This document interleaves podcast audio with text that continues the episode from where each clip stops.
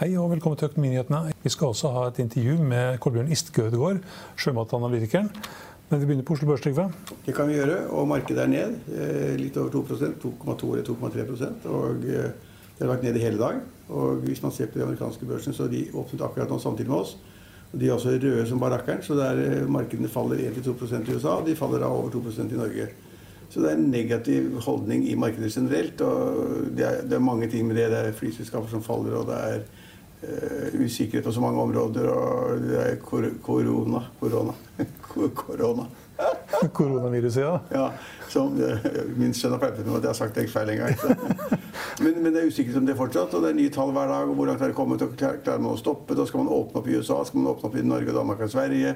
Skal man åpne opp i Frankrike, Tyskland? Det er, altså det er så mye usikkerhet at jeg skjønner at markedene er svake. Og så lurer de fleste på hvordan dette kommer til å gå. Men i dag går det iallfall nedover. Og i, i, Norge så kan vi si det at det er vanskelig å svare på liksom akkurat hvorfor indeksene sånn gjør det sånn i Amerika, eller hvorfor den går opp og de går ned, og hvorfor Nasdaq har vært bra, ikke sant, og hvorfor Dow Jones er ned. og det, eh, det er litt vanskelig å svare på, men enkeltting kan vi svare på i Norge. Vi som to, du og jeg som sitter her og gjør dette hver dag. Ja, Vi kan se litt av det norske markedet òg, for ja. det er i hvert fall to ting i dag. Som... Ja, det er det jeg sier. I det norske mm. markedet kan vi finne ting som på en måte ikke er norsk, det norske markedet generelt. Hovedindeksen, hovedindeksen er ned 2,2% ja. Eh, men hvorfor da det smeller for noen av aksjeklassene, det er da ganske enkelt å se. Fordi det kom da veldig dårlige meldinger fra Movi, altså tidligere Marine Harvest. Eh, hvor resultatet da var at De tjener penger, men resultatet var omtrent på det halve hva de eh, tjente i fjor. Og prognosene var litt dårlige og litt lavere slaktevolumer osv. Det medfører et ras på hele sektoren, slik at Movi er ned rundt 8% og Grieg Seafood er ned rundt 8% og Bakkafrost og SalMar er også ned 4-5-6 så verre kan du egentlig ikke få det.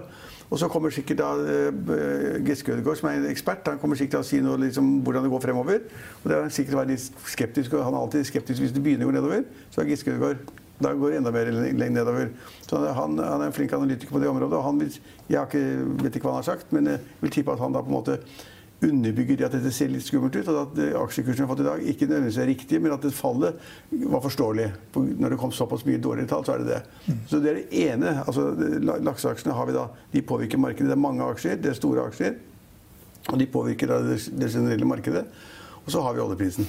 ja, vi, altså, oljeprisen syns jeg er ganske grei, fordi at brentoljen er så vidt over 26 dollar på fat. 26, Det er så vidt over 26. og den siger for, nedover. For junileveringen? Ja, men den siger nedover. Mm -hmm. Eh, og det er svakt, og eh, det påvirker alt som har med olje og oljeservice å gjøre. slik at liksom, oljeaksjene, da, Equinor og, og Aker BP, er ned rundt 1-1,5% Det er å vente. Altså, alt er ikke diskontert i kursene fra før. Det kommer nye ting hele tiden, og det siger nedover. Eh, så det, det, det er å vente at de da faller litt. Og så, hvis man da sitter, titter på de aksjene som faller mest, så er det liksom Borr på toppen, ikke sant? og så er det supply-selskaper, og så er det Magsize. Det er liksom eh, de som skal lete etter da, finne, finne da mer eh, kunnskaper om grunnen i havet, altså, hvor man skal bore. Ingen som betaler for det nå. Det er ingen som vil betale noe særlig for rigger. Rigger som er i oppdrag, blir løst av kontraktene sine, faktisk. Utsatt et år, f.eks.? Og så blir de utsatt et år. Men så blir det altså de som da er i oppdrag, de blir løst fra kontrakten. Og så, og så krever da de som opererer riggene, de krever da, eller har leid riggene, at prisen skal ned, at ratene skal ned. Det er bare negativt. Og så blir det mindre bruk for supply-skip og, og, og, skip som da frakter ting frem og tilbake til riggene. Altså, så det er negativt. Av de 10-15 aksjene som faller mest, vil jeg tippe at 78 eh, er da aksjer som er knyttet til det at oljeprisen faller og faller. Og den der lettoljen, som er litt komplisert å forstå, denne WTI, eh, den har vært nede i i helgen var det 15 dollar per fat. Nå er det 11 dollar akkurat nå. Og det har noe å gjøre med at kontraktene går ut i mai. Og at ingen vil ha olje i mai, men de vil ha olje i juni.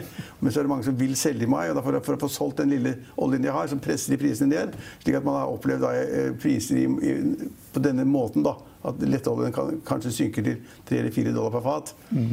Mens da, mens da eh, brentoljen kan ligge 20 dollar høyere eller noe sånt. Da. Det, det, er ikke så lett å forstå de der mekanismene, men det som fremgår på skjermene, det er da liksom at eh, WTI-oljen er 11 dollar på fat. Det kan jo skremme livet av noen hver. Så vi har det på Oslo Børs så har vi klare tendenser til at laksesektoren er ned, og oljesektoren er ned. Forståelig, begrunnet av de aksjene vi ser. Veldig fornuftig at det da går den veien. Det går ned. Og så har vi en tredje sektor. Norwegian, kanskje? Ja, Det er ikke noen sektor, men er, enig, det er jo poeng. For Norwegian er jo da På en liten stund ettermiddag så fulgte jeg skjermen litt nøyere. og Da var jo da Norwegian-aksjen ned på fire kroner. Så den pellet seg opp over fem, fem, kroner igjen. Og den var ned rundt 15% på det verste. Og da jeg gikk i studio nå, så var da Norwegian ned 4-5% Bare 4-5% Og det skyldes jo da det faktum at det da har kommet meldinger om at uh, selskaper som driver med bemanning, altså både for flyvere og crew om bord, kabinansatte, at de to, to, eller tre eller fire selskaper har slått konkurs. I Sverige og Danmark. I Sverige og Danmark, Ikke Norge. For i Sverige og Danmark har de ikke den regelen per permitteringsadgang vi har. slik at I Norge kan man permittere, og staten overtar mesteparten av regningen etter noen uker normalt. Denne gang var det etter to dager. Uh, mens man i Sverige ikke har den ordningen, men de har noen varianter. Men altså, i prinsippet har de ikke det. For å bli kvitt kostnader, for det er ingen som tror at flyene skal begynne å fly igjen. Da, da, da Norwegian nødt til, til å, Når de ikke kan permittere, så må de si opp folk. Og de har sagt opp da 5000 flyvere og kabinansatte sånn, i dag. Eller, og, det, og, det, gjorde de samtidig med at selskapene ble slått konkurs. Ja.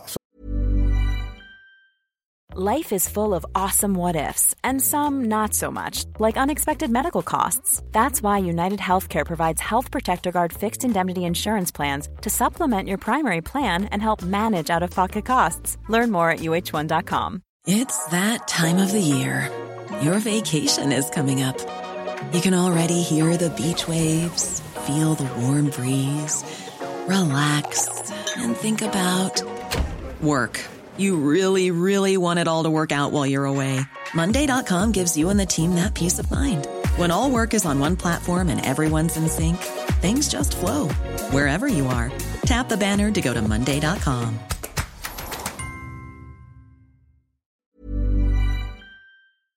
Over 3000 piloter og 5000 kabinansatte. Ja, men Det er jo en skrekkelig sak. og Det er ikke positivt for Norwegian. Altså, umiddelbart falt så aksjen da ganske kraftig og tatt seg litt opp igjen.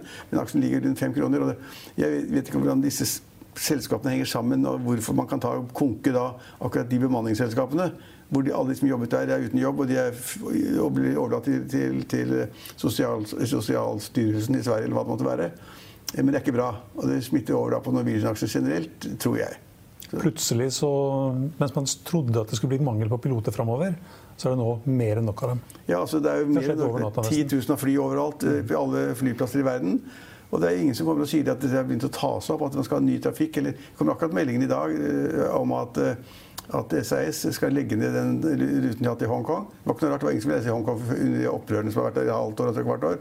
Men nå er det heller ingen som vil reise i opprørene og etter det som kom, kom da viruset. Så det, det er liksom, og De lange distansene har vært sannsynligvis ulønnsomme, ulønnsomme, i lang tid. På samme måte som Norwegians eh, lang, lang, langflygninger også har vært ulønnsomme.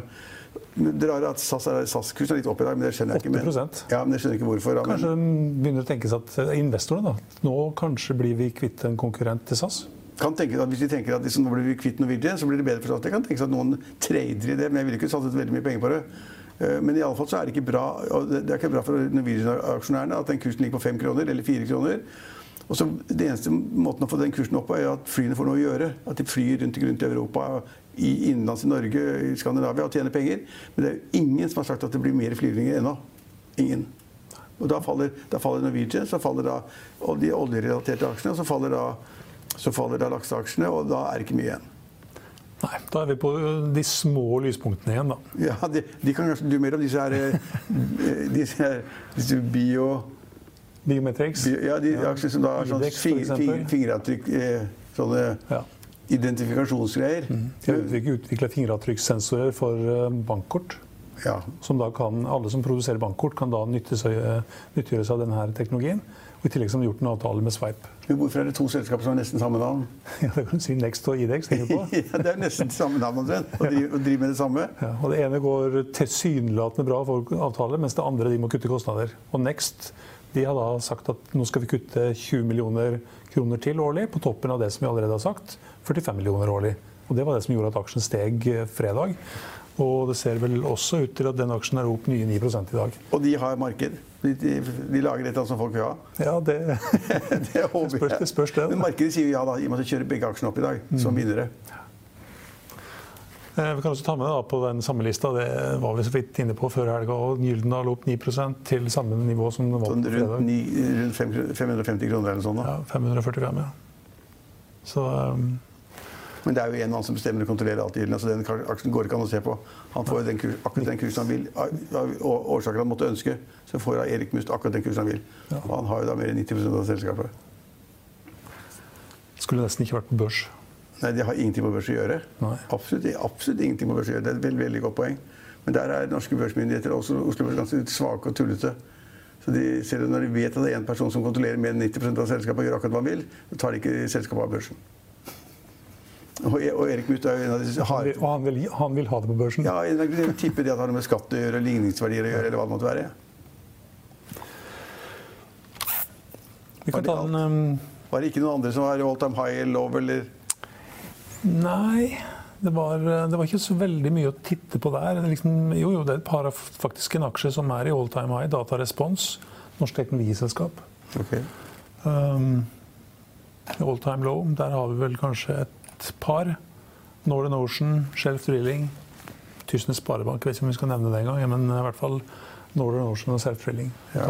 Så kan jeg bare nevne til slutt at Hvis man fulgte med da, fra fredag til i dag, så er jo da sånne store selskaper innen der er oljeservice eller rigg, som, som TransOcean, kjempeselskap med masse rigger og sånn, alle er negative. Altså, kursen faller hele tiden, og det er ikke noe håp i fremtiden i det hele tatt. Og det er sammenlignbare da med Borr og de norske selskapene som heller ikke har noen særlig sjanse. For det er ingen etterspørsel etter de produktene de eh, leverer, nemlig da rigger som skal bore etter olje.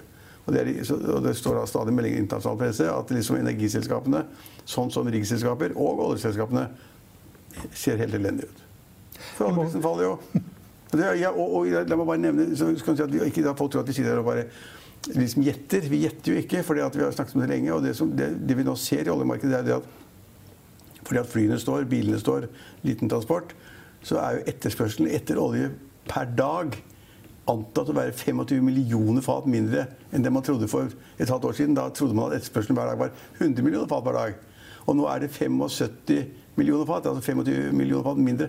Det er klart at Hvis etterspørselen er 25 millioner fat mindre, så blir det problemet hvis tilbudssiden er like stor. Og så har man da hele det spekteret der med, med, OPEC og Russland og alle de som skulle da kutte produksjonen for da å få prisen opp. Men det har de ikke klart.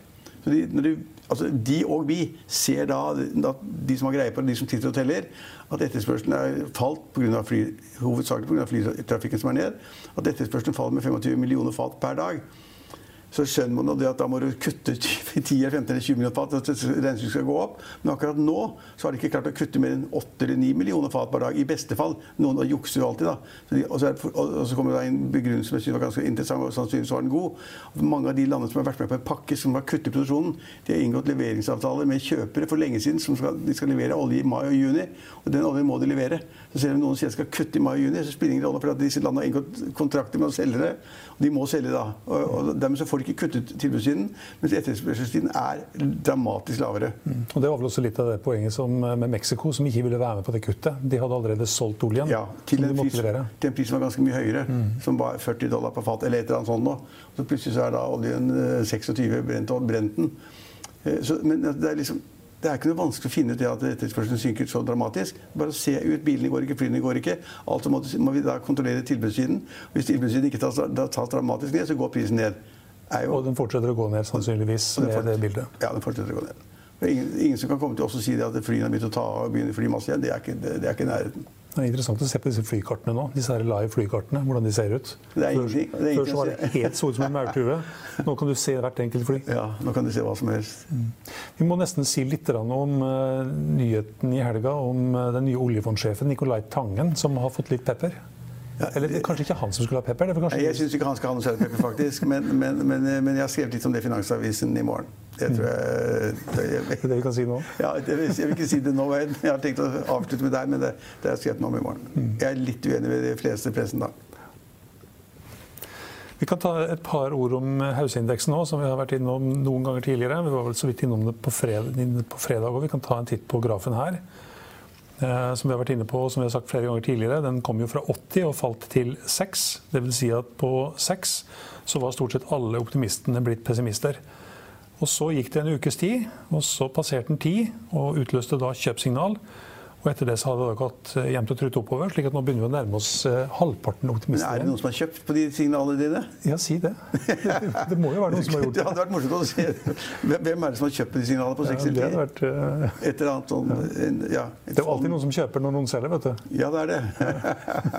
men, det er altså, men om folk har begynt å kjøpe, og det er noen selgere på det nivået, og det er nok kjøpere til at da indeksen stiger hele tiden, det er ganske spennende. Det er jo interessant også, da. Det, altså børsen, eller hovedindeksen på Oslo Børs, da, den er opp over 20% siden bunnen. Ja, ja det er det. Og halvparten begynner, altså nesten halvparten er nå blitt optimister. Det høres litt rart ut, det òg. Ja, ja. ja det er for mange optimister, da. Kanskje det blir for mange optimister igjen. Ja. det er, det, det er litt skummelt, syns jeg. Da skal jeg avslutte med det jeg skal gå nå. Men altså, det er en del av de sentrale norske analytikerne og de som på en måte er strateger i Norge. De fleste, både Hermanrud og, og, og, og obligasjonseksperten vår og Pål Ringholm, ja. Ringholm og sånn, de, de, de er litt negative. Altså, de ja Pål liksom- Ringholm han tror vi skal ha en tur til ned. Ja, og det sier også, også, sier også Hermanrud. Han sier vel at den skal, kanskje skal hovedindeksen ned i 500 osv. Og, Mm. og nå er den på 730-40 eller noe sånt. Jeg husker ikke. 730, ja. Ja. 740 på Det er skummelt at sånne sentrale personer sier det. På den annen side, når alle de sentrale personene sier det, så er det kanskje snudd. Det er kanskje det motsatte som skjer. Ja. Nei, men Kanskje. altså Etter koronakrisen så kanskje kommer finanskrisen. En ny finanskrise. Ja. Ja, gjør you never know. Du ser hvordan de amerikanske børsene har gått opp før i dag. da. Har de på en måte tatt seg ganske mye inn igjen. Og så faller de ganske kraftig i dag. så er- å, å se disse store markedene og trendene syns jeg er kjempevanskelig. Men å se at oljeaksjene og supply-aksjene går ned på Oslo Børs, det skjønner vi. Ja, Vi skal ta videre til eh, Kolbjørn Giske Ødegaard, sjømatanalytikeren. Her, og her skal vi få høre hva han eh, tror om utviklingen fremover. Eh, Kolbjørn Giske Ødegård, du er jo eh, sjømatanalytiker i Nordea Markets, og i dag er det en skrekkelig dag for lakseaksjene på Oslo Børs. Vi ser at det er kursfall mellom 4 og 8% Hva er det som skjer i markedet akkurat nå? Det har jo eh, vært to tradingoppdateringer. Eh, Grieg Seafood oppdaterte markedet fredag ettermiddag, og så kom Movi i dag tidlig. Eh, og begge to rapporterte vesentlig lavere eh, resultat for første kvartal enn forventa. Eh, mye høyere kost eh, og eh,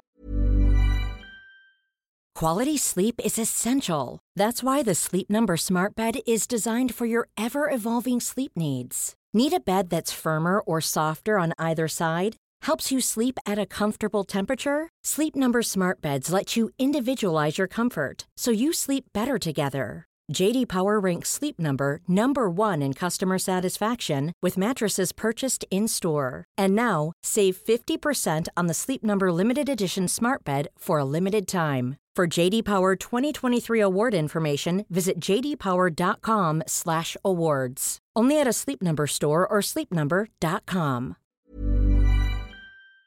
I'll see you in court. Vi sier det ofte litt på spøk, men for deg som driver business, er det aldri moro å innse at du ikke har laget en 100% gyldig kontrakt.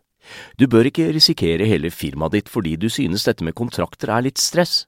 En avtale er ikke en avtale. Du kan miste kunder, miste venner, ja, til og med miste inntekter om du ikke lager en skikkelig kontrakt, på alt mulig, egentlig. Men vi vet det er et styr. Kopimaskiner, treg printer og haugevis av papir. Dessuten stoler vi jo på folk her i landet. Det er ofte litt kleint å skulle be om en signatur for alt mulig, ja, for mye av styret handler også om jakten på underskriften. Det finnes en enkel måte å løse dette på, Dukkobit, en trygg, effektiv og get this, gratis måte å sikre seg en god natts søvn pluss en juridisk bindende avtale. Dukkobit-appen har de strengeste sikkerhetskrav i bunn, samt en EU-godkjent og sertifisert teknologi. Framover vil det bli behagelig å spørre du, skal vi skrive under på det, eller? Kom i gang på dukkobit.no. eh, lavere prisoppnåelse. Dette var jo et kvartal der eh, pris, spotprisene har vært eh, rekordhøye. Så analytikerforventningene inn i kvartalet var jo høye. eh, Og at det her skulle være et kvartal som var, det siste ordentlige kvartalet før covid begynte å gjøre negative utslag. da. Hva forventer du av de andre lakseselskapene nå som vi ser dette resultatvarselet fra Movi, og, og dere også tar ned anbefalingen på Grieg Seafood? Jo, altså Det som vi forventer, det er jo at eh, det kostnadsnivået generelt vil være høyere enn forventa, kanskje særlig for Nord-Norge. Det ser ut som eh, den kalde vinteren som har vært særlig i Finnmark, men også eh, ser vi større deler av Nord-Norge, har bidratt til eh, mye nedgradert fisk. Høyere kostnader i, i kvartalet og lavere priser. Sjømatindeksen er jo ned nærmere 18 eh, siden årsskiftet og, og 5-6 den siste måneden. Eh, og som du sier, så har vi jo ennå ikke sett den eh, reelle effekten av covid-19, fordi vi, den mest sannsynlig vil treffe hardest inn i andre kvartal. Tør du å spå hvor ille det kan bli? Altså, vi, bare, altså, vi skal prøve å holde oss til fakta her. og Fakta er jo at eh, snittprisen i første kvartal i spotmarkedet enda rundt 68 kroner. Eh, styrefarta inn i andre kvartal nå er at vi ligger på ligger overkant 50 kroner per kilo eh, første uken av april. Eh, hvis vi antar at kosten i generelt i industrien i fjor lå på i overkant av 40 kroner per kilo når vi gikk inn i 2020, så har vi nå fått både Grieg og Movi rapportere om både høyere kostnader isolert sett i første kvartal, men også at det kostnadsnivået som følge av covid har kommet opp. Og Det gjelder nok både på salg og distribusjon til oversjøiske marked, der du har astronomisk høye eh, flyfraktrat i enkelte marked. Men også eh, i selve produksjonen, der du f.eks. må ha to meter avstand mellom arbeiderne i fabrikkene. Eh, der du gjerne kjører gjennom samme volum som du har hatt, men du må bruke en større del av døgnet for å få det gjennom. Sånn at en større del av produksjonen befinner seg enten i helg eller på, eh, på, på kvelds nattetid, eh, der du må betale overtid for arbeiderne. Og, så, så lønnskostnadene nok, blir nok pressa opp her. Og Samtidig så er det en del andre kostnader. også. Det, det er lavere effektivitet i fabrikkene generelt og høyere lønnskostnader. Det er ikke en sett av kostnader som nå midlertidig i alle fall, blir jekka opp og så tror vi nok at det kommer til å normalisere seg, komme ned igjen når covid begynner å slippe taket. Men samtidig da, så har vi hatt en krone som har velsigna oppdretterne med eh, eh, høyere prisoppnåelse målt i norske kroner. Men samtidig så er det også en eh, ulmende fare som lurer bak neste hjørne. og det er at uh, prisen på importerte innsatsfaktorer, først og fremst fôrråstoff, kommer til å øke. Så når kostnadene som er knytta til covid, kanskje begynner å, falle tilbake, forventer vi at de blir avløst av høyere fòrkostnader. Så det kostnivået som vi nå ser kanskje konturene av inn i eh, første og andre kvartal her, det frykter vi vil sette seg eh, de neste par åra. Og det, eh, det, tegner et ganske negativt bilde vil jeg si, for laksesektoren eh, den kommende tiden og også inn i 2021, hvis jeg leser det riktig? Ja, altså vi, eh, vi har nok ikke tro på en sånn skarp ved der du nå er ned, og så skal du rett opp igjen og normalisere det i løpet av året. Vi forventer at oppdretterne både i Norge og Chile kommer til å holde tilbake volum som er En del volum kommer til å bli plassert på frossenlager. Og så er du avhengig av hvor fort dette her markedet friskmelder seg. Vi ser jo at restauranter så vidt begynner å åpne opp igjen. Men det er jo liksom sånn, vi hører jo om sånn 5-15 av normal kapasitet.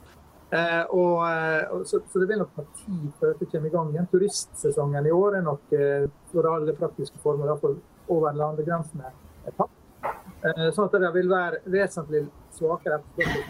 Det er ikke tvil at det, her kommer nok, Vi får i hvert fall håpe at eh, dette her normaliserer seg når vi kommer i 2021. Mitt poeng er at det, eh, det, vil nok ta lengre tid før lakseprisene er tilbake på det nivået vi hadde før covid.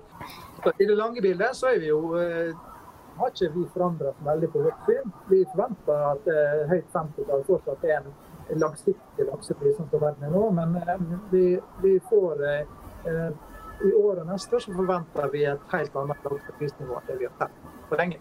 Så, så summa summarum, hva, hva, hva kan vi forvente oss på kort sikt? Altså På kort sikt så må vi forvente at eh, lakseprisene kommer til å fortsette å være svake. Eh, andre kvartal er jo et kvartal der oppdretterne har relativt god kontroll på utbudet. Det er ikke eh, veldig sterk tilvekst i sjøen. Det er ikke pleier å være veldig mye luseutfordringer. Men allerede om noen få uker så kommer det nye lusekrav som sesongmessig sier at det er maks 0,2 lus per fisk. Og Da eh, vet vi det at det, da eh, kommer, da er det flere oppdrettere som kommer i en tvangssituasjon fordi at det, det har mer enn 0,2 lus. Dette er jo Sør-Norge først. da. Eh, så vi tror at sesongmessig så blir det et økende slaktepress utover nå. Og kombinert med retail-markedet ser ut til å være sterkt. God etterspørsel. Mye av konsumet som har vært konsumert ute, det blir nå konsumert hjemme. Men, men totaletterspørselen er fortsatt svak. Og når vi da skal inn i en del tid på året der tilbudsveksten øker, så tror vi at det, det kommer til å bli veldig utfordrende for prisene framover. Og det ser vi også når vi ser på forward-priser på Fishpool. Eh, det er eh, priser på 40-tallet i store deler av eh, i hvert fall tredje og fjerde kvartal. Er det noen kandidater som er åpenbare kjøpskandidater, med tanke på at vi har sett et kraftig kursfallet på samtlige av lakseaksjene i dag? Altså det, det, kan det antageligvis være, men det er ikke noen vi har vært ute og påpeker. Vi har ikke pekt på noen kjøpskandidater i, i, sånn som klimaet er nå. Det er usikkerheten altfor stor.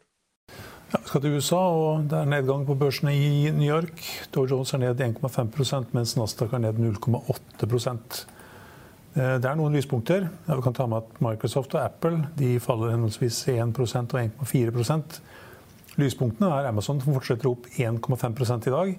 Kan også ta med Alibaba, som er den asiatiske eller kinesiske varianten av Amazon, som stiger 1,5 eh, Walmart er flatt, 0,1 Og så har vi også et par eh, andre farmasiselskaper, og så selvfølgelig Netflix, da, som fortsetter opp 2,2% i Finansavisen i morgen kan du lese Trygve Egners leder om den nye oljefondsjefen Nicolai Tangens etter hvert så berømt seminar om selskapet som skulle erobre Midtøsten, men havnet i skifteretten, og om all time high i produkttank.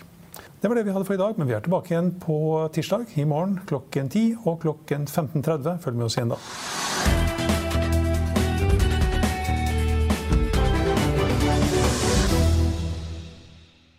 Økonominyhetene er en podkast fra Finansavisen. Programledere er Marius Lorentzen, Stein Ove Haugen og Benedikte Storm Bamvik. Produsenter er Lars Brenden Skram og Bashar Johar. Og ansvarlig redaktør er Trygve Hegnar.